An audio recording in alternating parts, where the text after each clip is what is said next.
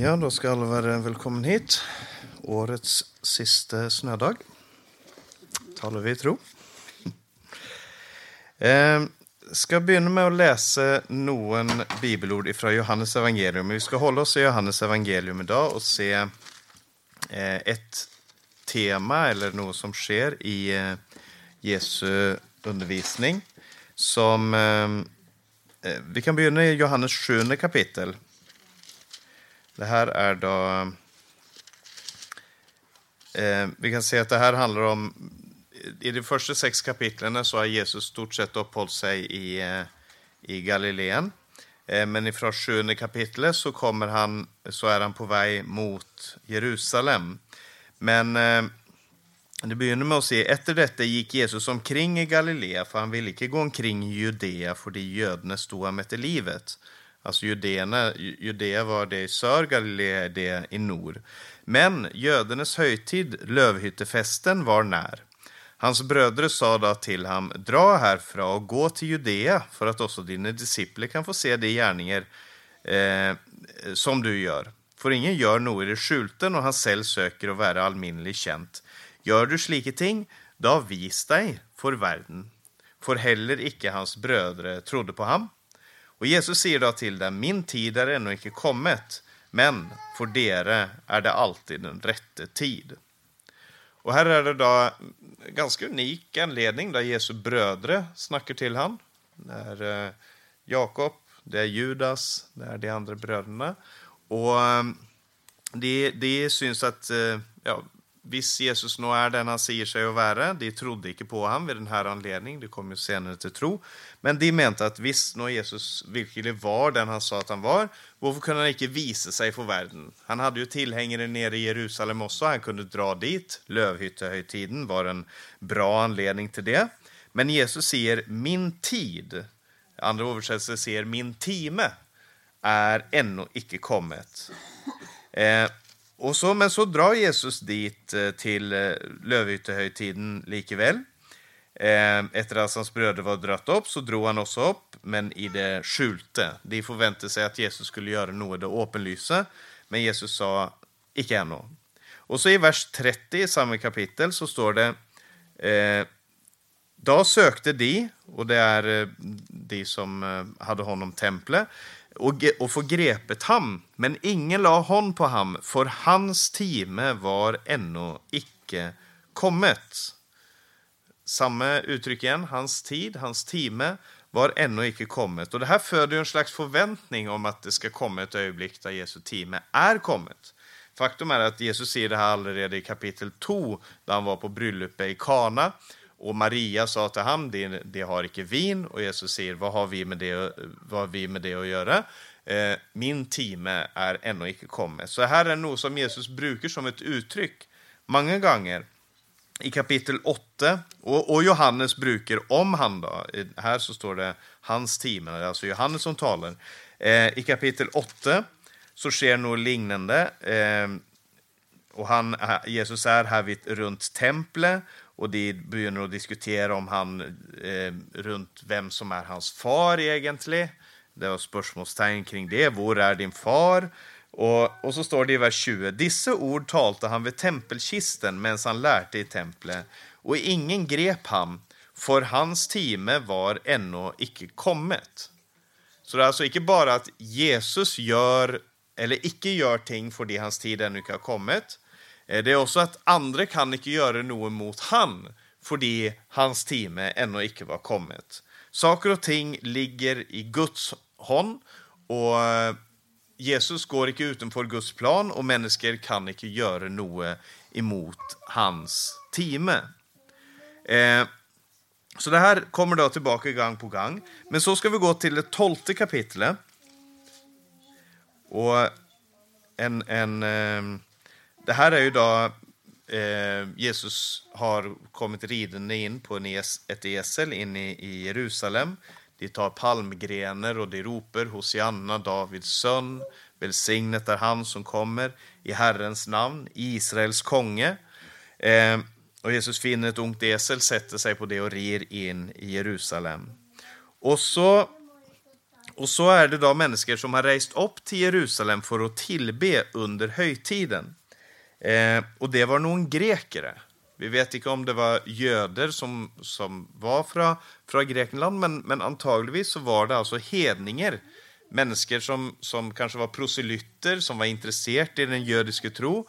Och det hade kommit då, det var grekere som hade kommit för att tillbe i Jerusalem. Och så står det i vers 21. Disse kom då till Filip som var från Betsaida i Galileen och bad honom och sa, Herre, vi vill gärna se Jesus. Och Filip kommer och säger det till Andreas, Andreas och Filip går och säger det till Jesus. Men Jesus svarar dem och säger, timen är kommet, då Människosonen skall bli härliggjort. Sannolikt, sannolikt säger jag dere, hvis icke vetekornet faller i jorden och dör, blir det bara det ene kornet, men hvis det dör, bärer det mycket frukt. Den som älskar sitt liv ska mista det, men den som hatar sitt liv i denna världen ska bevara det till evigt liv. Den som vill tjäna mig, han må följa mig. Där jag är, där ska också min tjänare vara. Om någon tjänar mig, han skall Fadern ära. Så något sker här i, i den här händelsen som gör att Jesus brister ut. Tiden är kommet. Fram till nå så var inte tiden eller timen kommet, men nå nå är tiden här. Nå är den rätte tid. Och jag sökte på, jag ska se det, jag sökte på nätet. Eh, eh, man söker ju olika eh, eh, på olika städer för att, för att lära sig om en text. Och så tänkte jag, jag lurar på vad folk har preket om den texten, om dessa texterna. Och så sökte jag bara på, på Youtube, på prekner, på the time has come, the time, the time is here, the hour is here och, och, och liknande ting. Eh, och det enaste jag kunde finna det var den här den vinklingen som var your time is now. Alltså, nå är din anledning. Nå ska du gripa tag i. Gud har en mästerlig plan för dig. Nå är din anledning. Res dig upp, var stark, stå, stå fast. Och även om det har något med detta att göra, så, så är det eh, ska vi se en väldigt annorledes måte att se ting på än det som Jesus gör här. För när han säger timen är kommet, så är det inte för att han ska eh, triumfera, sätta sig på en trone, sån som vi tänker en trone. Det är inte för det han ska eh, regera, sån som vi tänker att regera, men det är för att vetekornet ska falla i jorden och dö. Det är timen som har kommit. Och Jesus ser himlen har kommit. Och, och, och tydligtvis var det någon med dessa grekerna som kommer till Jesus. Jesus ser väl det som ska komma i, i, i menigheten i och med förkynnelsen av evangeliet från sted till sted till sted. Och Jesus säger, nå, nå, detta, detta är det som jag har längtat efter. Detta är det som jag har sett, som jag vet ska komma. Och han säger, nå är tiden här. Nå är timen inne. Nå så ska vetekornet falla i jorden och dö. Och det höres väldigt speciellt ut, men det är sån Jesus förkynner det. Han säger vetekornet ska falla i jorden och dö, eller blir det ensamt. Och så säger han också, och han lägger det här också på, på sina discipler, på de som vill följa efter han. Han säger, den som vill tjäna mig, han må följa mig. Och vad betyder det? I vers 26 säger han, den som vill tjäna mig, han må följa mig. Jo, han förklarar det allerede i vers 25. Den som älskar sitt liv ska mista det, men den som hatar sitt liv i denna världen ska bevara det till evig liv. Priset vare Gud. Det är sån Jesus ser på det. Och Jesus är inte fatalistisk. Det är inte så att han att han ser att okej, okay, nu är det så mycket motstånd. Det är så många motståndare här, det är politiska motståndare. Jag får bara acceptera att det kommer antagligtvis till att dräpa mig. Jag kommer nog till att bli korsfästet. Det är inte det han säger att ja, ja, nu, nu är timmen här. En gång ska man dö, jag ska dö nå som 33-åring. Det, det får vara som det är. Det är inte det Jesus säger. Han är inte fatalistisk, men han vet varför han har kommit. I, I kapitel 13 och vers 1 så står det Det var för påskahögtiden och Jesus visste att hans time var kommet då han skulle gå bort från denna världen till Fadern. Och som han hade älskat sina egna som var i världen, slik älskat han dem till det sista. Så när Jesus ser min time har kommit så ser han Fadern ska förhärliga. Och om vi hade gått tillbaka till kapitel 12, så, så efter att Jesus har sagt det här om vetekornet som ska falla i jorden och dö, så, så vänder han sig en bön till Fadern och så säger han, Far, vad ska jag säga till detta? Ska jag säga, fräls mig ifrån denna timme? Nej, det var till denna timme jag kom hit. Det var för denna tid jag kom hit. Istället vill jag säga, Far, förhärliga ditt namn. Och så kommer det en stämme från himlen som säger, jag har förhärligat det och jag ska ända mer förhärliga mitt namn. Så den, och, och det här med att förhärliga Guds namn, det kommer tillbaka flera gånger i texten. Och visst vi går till det sjuttonde kapitlet, till den väldigt väl, välkända texten här i det sjuttonde kapitlet, så, så, är det, så är det samma tematik, samma melodi, samma eh, tanke som går igen här i det sjuttonde kapitlet. Så säger han, Detta talte Jesus och han löftet sin ögon mot himmelen och sa, Far, timen är kommit. Fortsatt, det alltså, handlar alltså inte om en bokstavlig timme, det är en tid, det är en, en händelse, det är en, eh, en historisk händelse. Det handlar om Jesu eh, lidelse, hans död, hans begravelse, hans uppståndelse och hans himmelfart. Dessa tingene, det är hans time.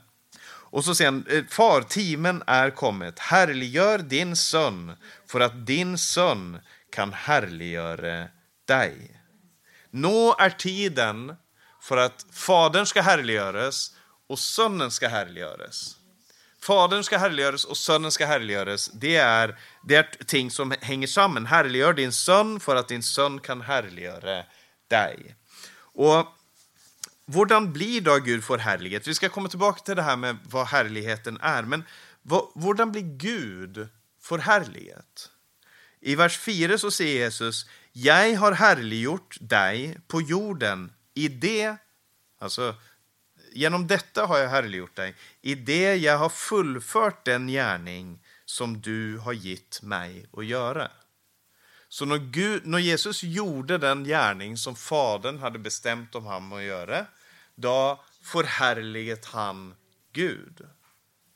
Och i vers 6 så säger han, jag har uppenbarat ditt namn för de människorna du gav mig av världen.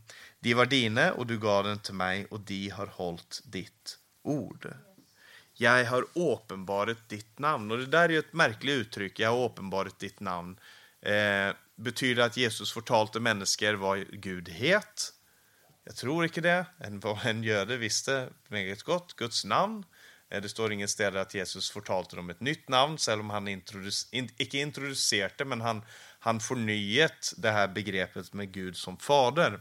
Men, men och, och uppenbara någons namn, det handlar om att, for, att uppenbara vem någon är. Som det står i Johannes kapitel 1, eh, så står det att eh, eh, ordet blev kött, tog sin bolig bland oss och vi såg hans härlighet, en härlighet som en enbåren son har från sin far, full av nåde och sannhet. Så Jesus som är gudomens fyllde, han som är full av Guds härlighet, det handlar om att han uppenbarar för människor vem Gud är. I all enkelhet, i all ringhet, i all ydmykhet, i all svaghet, så uppenbarar han Guds styrka. För Guds svaghet är starkare än människors styrka. namn, och uppenbara namn, det handlar om att visa vem en person är. Och Jesus visste vem Gud är. Han, ska vi se, han öppnade på locket. Han, han, han, han drog slöret till sida. Och när du såg sonen så såg du, så såg du Fadern. Jesus sa det. Vet du inte det? Till discipeln så spurte han, la oss få se Fadern. Och han säger, den som har sett mig har sett Fadern. För det, det var hans uppgave, det var hans, alltså om du vill se Fadern, om du vill se Gud, så ska du se på Sonen. För det han är, som jag talade om här för någon uke sedan, han är El Roy. Han är den Gud som ser, och han är den Gud som vi kan se. den Gud som är synlig. Och Jesus ger oss kunskap om Guds kärlighet, om Guds tålmod, om Guds makt, om Guds vrede, om Guds glädje, Guds sorg, Guds längsel och allt annat som Gud är och har. Och om han uppenbarade Noe i inkarnationen, om han uppenbarade lite av det i bergpreknen, om han uppenbarade Noe av det då han gick på vannet, då han mätte till 5000, då han mätte till 4000. Om han visade Noe och utvicklet ut det här bilden av vem Gud är, så kan vi se att på korset, där mötes allt detta. Guds härlighet är mest klart, mest tydlig i det som sker mellan den övre sal och Oljeberget där Jesus stiger upp till himmelen. Det som sker mellan där, det uppenbarar vem Gud är på en måte som ingenting annat i världshistorien gör det. Och därför är det så stort att vi får möjligheten att samlas var påske och, och, och egentligen vart möte, varje gång vi samlas och, och, och eh, minnes det här. Och nu är vi inne i skärtorsdagen, efter vår måte att tälla dagarna på. Eh, så, så är vi på skärtorsdagen som är den dag där Jesus hade den här bönen. Akkurat denna bönen här eh, skedde då på, på den, den kvällen. Och han säger att han uppenbarar hans härlighet. Det gam, gammeltestamentliga ordet för härlighet det är kabod. Kabod det betyder tyngde eller innehåll, Noes, alltså Noets densitet. Om du tänker en ballong, lätt densitet, en, en stein eller en diamant eller något, det, det har tyngde, det har densitet. Och Gud ger saker och ting dess innehåll. Eh, det nytestamentliga ordet för härlighet det är doxa, som handlar mer om strålglans, om att något strålar ut, att det skinner. Eh, och, och de, de två orden de, de pekar på det här, vad Gud verkligen är. Och första gången som vi möter Guds härlighet i hela Bibeln, som vi får möta att det står att Guds härlighet uppenbarte sig, det är eh, då folket gick ut av Egypt. Och det blir ledet av den skystötten och illstötten om dagen och om natten. Så står det, och Guds härlighet var där. Och Guds härlighet kom in i lägren. Och då de hade byggt färdigt tabernaklet så står det att Guds härlighet fyllde hela städet. Och det var beskyttet av den här skyen som gjorde att folk icke såg Guds härlighet sån som den konkret sån som den var, för då ville de aldrig ha klart det. Men det fanns en beskyttande sky runt det här tabernaklet, men ingen kunde då i det ögonblicket gå in där, för Guds härlighet var på det stället. Och det är den härligheten som bodde i Jesus. Det är den härligheten som, när vi såg hans härlighet, en härlighet som en enbåren son har. När vi såg Jesus, när människor såg Jesus och när vi ser Jesus genom vittnesbördet som dessa människorna har gett oss. När vi får se Jesus genom det verk som den helige On gör i människor som kommer till tro. När vi får se Jesus, i, när vi får möta Jesus och kommer fram inför honom i bön. När vi får eh, uppleva att den helige Ande klargör vem Jesus är för oss, då, då fylls vi av hans härlighet. Vi blir, vi blir ett med den här härligheten. Så den härligheten som bodde i Jesus, alltså det Gud är, eh, gudomens fyllde, det bodde i Jesus. Och den härligheten den åpenbarte han för oss och gav till oss. Och man tänker, hur ser den härligheten ut? Hur ser den här härligheten ut? Jo, den ser ut som en pinet och förslått man med en tornekrona. Med, med slott av soldater och, och av, av eh, eh, människor som, som ville han genuint ont, korsfästet, hängande mellan himmel och jord. Och Jesus säger, när jag blir höjd upp från jorden, då ska jag dra alla till mig. Priset vare Gud. Det är Guds härlighet, att när han blev upphängd ifrån jorden, upphöjet ifrån jorden, då drog han människor till sig. Det är den korsfästades triumf. Häromsistens så såg jag på, på Twitter en, eh, en man som eh, av någon märklig grund eh, eh svärger till de gamla, ska vi se, de gamle gudarna, alltså de, de grekiska gudarna och de, de grekiska och, och, och romerska idealen. Det var Zeus och det var eh, Hermes och det var alla dessa olika gudarna. Och han visade bilder på de olika gudene, hvordan man forestilte seg dem som de store idealene, musklene. Det var, det var eh, liksom dimensjonene, størrelsen og, og skjønnheten. Som, når man ser de statuene som de lagde på den tiden, så blir man jo fascinert over hva mennesker har klart å få til, for all del. Fascinert over hva man får 2-3 000 år sedan klart det och lage. Och han sa, och, och se för en skönhet i dessa gudarna. Och så se på detta bilder, sa han, och så var det bilder på Jesus som hang på korset. Och så sa han, för något styggt, för något förfärligt styggt. Tänk, tänk att det är människor som, som vill ägna sig, som, som vill ge sig själv till något så styggt. Och, och, och jag såg på det där och tänkte, där är Guds härlighet uppenbarat. i det som för världen var absolut ingenting. Där är Guds kärlighet, hans nåde, hans vrede. Allt det är där på det stället. Och det är dit jag vill komma. Jag vill inte gå till de gudarna. Om det hade så hade funnits så hade jag inte velat gå dit. Jag vill gå till han som sa då jag blir upphöjet, då ska jag dra alla till mig. Icke då jag blir upphöjt så ska jag regera, så ska jag härska med ondskap, så ska jag härska med våld. Nej, han sa då jag blir upphöjt då ska jag dra människor till mig. Det var målet. Priset vare Gud. I vers 22 i det här kapitlet så säger han, och den härlighet som du har gett mig, säger Jesus, har jag gett dem för att de ska vara ett, lika som vi är ett. Så det samma som Fadern gav till Sonen och som Sonen gav till Fadern, det har Fadern och Sonen gett till oss. Menigheten är, som vi har sagt många gånger för, den härliga menigheten. En menighet fylld av hans härlighet. Men hur ser den härligheten ut? Den är tornekront.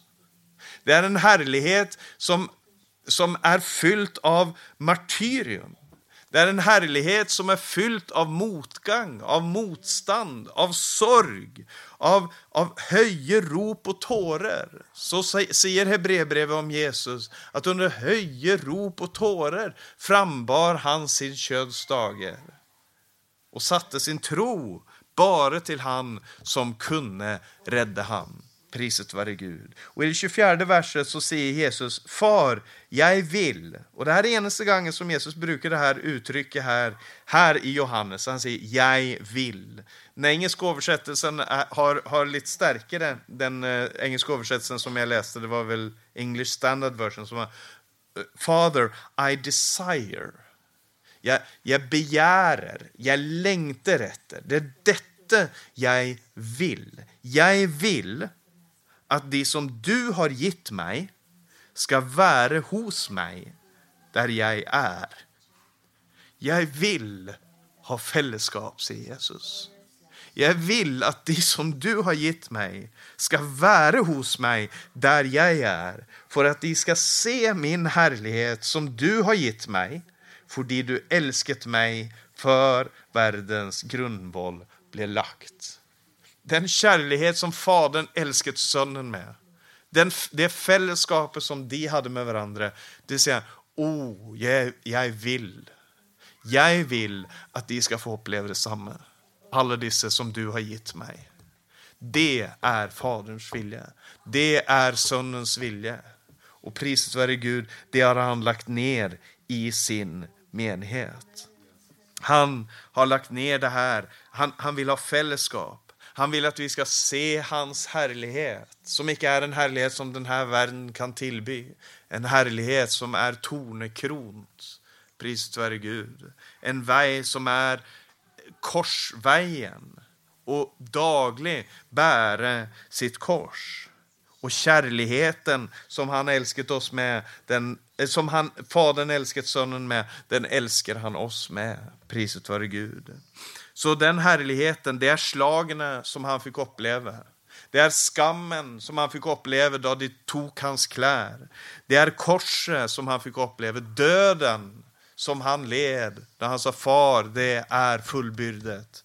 Det är, det är begravelsen i en annan mans grav, men det är också uppståndelsens morgon. Det är förvandlingen och det är himmelfarten. Priset vare Gud. Jag går till min far och deras far. Priset vare Gud. Och Paulus, han säger i Galaterbrevet, jag är korsfästet med Kristus. Det är min nya status. Medkorsfästet. Det är ett ord på, på gresk. Eh, jag ska inte pröva att uttala det, men det betyder omtrent medkorsfästet. Jag är medkorsfästet. Jag är där samman med han, för det han gav mig sin härlighet. Och den härligheten var icke att jag ska gå runt och stråla och skinna, att jag ska gå runt och, och nedgöra mina fiender med ett ord eller att jag ska dominera och härska. Den härligheten, det är min tornekron till kongens härlighet. Det är Getsemane-härligheten. Det är det att få ge sig själv för andra. Den härligheten har han gett till menigheten. Att vi ska gå den samma vägen, att vi ska bära vårt kors, att vi ska vara medkorsfästet med han. Jesus är den som vill följa efter mig. Han må ta sitt kors på sig och följa mig dagligen och som, som Israel fick följa efter ilstötten där den reste sig, skystötten där den, där den eh, beveget sig och kom till ett annat sted, så får vi följa den korsbärande konge som vi har. Priset vare Gud, för det är härligheten som vi är här. Och det är det som vi manifesterar oss när vi delar bröd och vin med varandra. Att det ödelagte, det knuste. Det, det, det, som, är, det som är knust och, och, och trocket i vinpressen, det är det som ger liv. Det som är knust på, på, terske, på, på städer där de, där de eh, tärsker eh, mele, det är det som ger liv. Priset vare Gud. Utan att kornet faller i jorden och dör så blir det ensamt. Och utan att det kornet efterpå blir knust så blir det icke till liv för någon. Men du, när det kornet blir knust, när det vinet blir tråkigt och i Gamla testamentet så är detta med vinpressen, det är bilder på Guds vrede. Och det är sant, han bar Guds vrede för oss. Låt oss aldrig glömma det, att domen gick över Jesus för att livet skulle gå över oss. Synden bar han för att vi skulle få rättfärdigheten. Och hans vredes vinpress, den ger mänskligheten liv.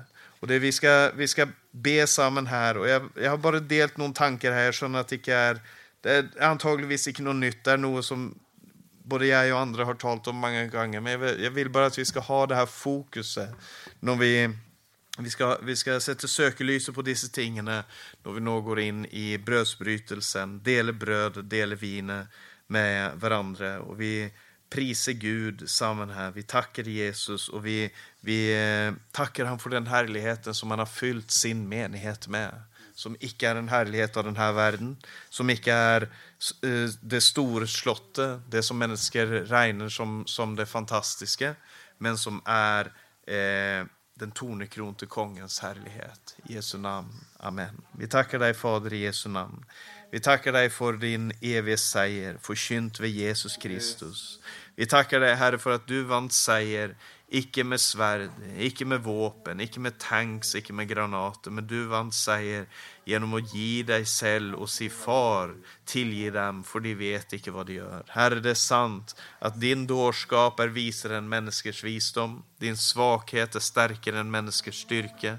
Herre, du är den som har makten och du, har, eh, du är den som har all härlighet och du har i din menighet utgytt den härligheten. Vi tackar dig Herre för att vi denna skärtorsdag får komma inför dig, tacka, pris och ära dig, du som har älskat oss med den samma kärlighet som himmelen, som Fadern älskat Sonen, så har Fader, Son och Helige Ande uppenbarat kärligheten i oss. Ja, din kärlighet är utöst i våra hjärtan genom den helige Ande som du har gett till dem som tror på dig.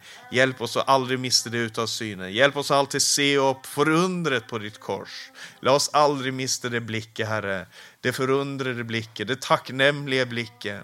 Det knuste blicket, Herre, som ser upp på ditt kors och tackar dig för att du är den du är. I Jesu namn. Amen. Amen.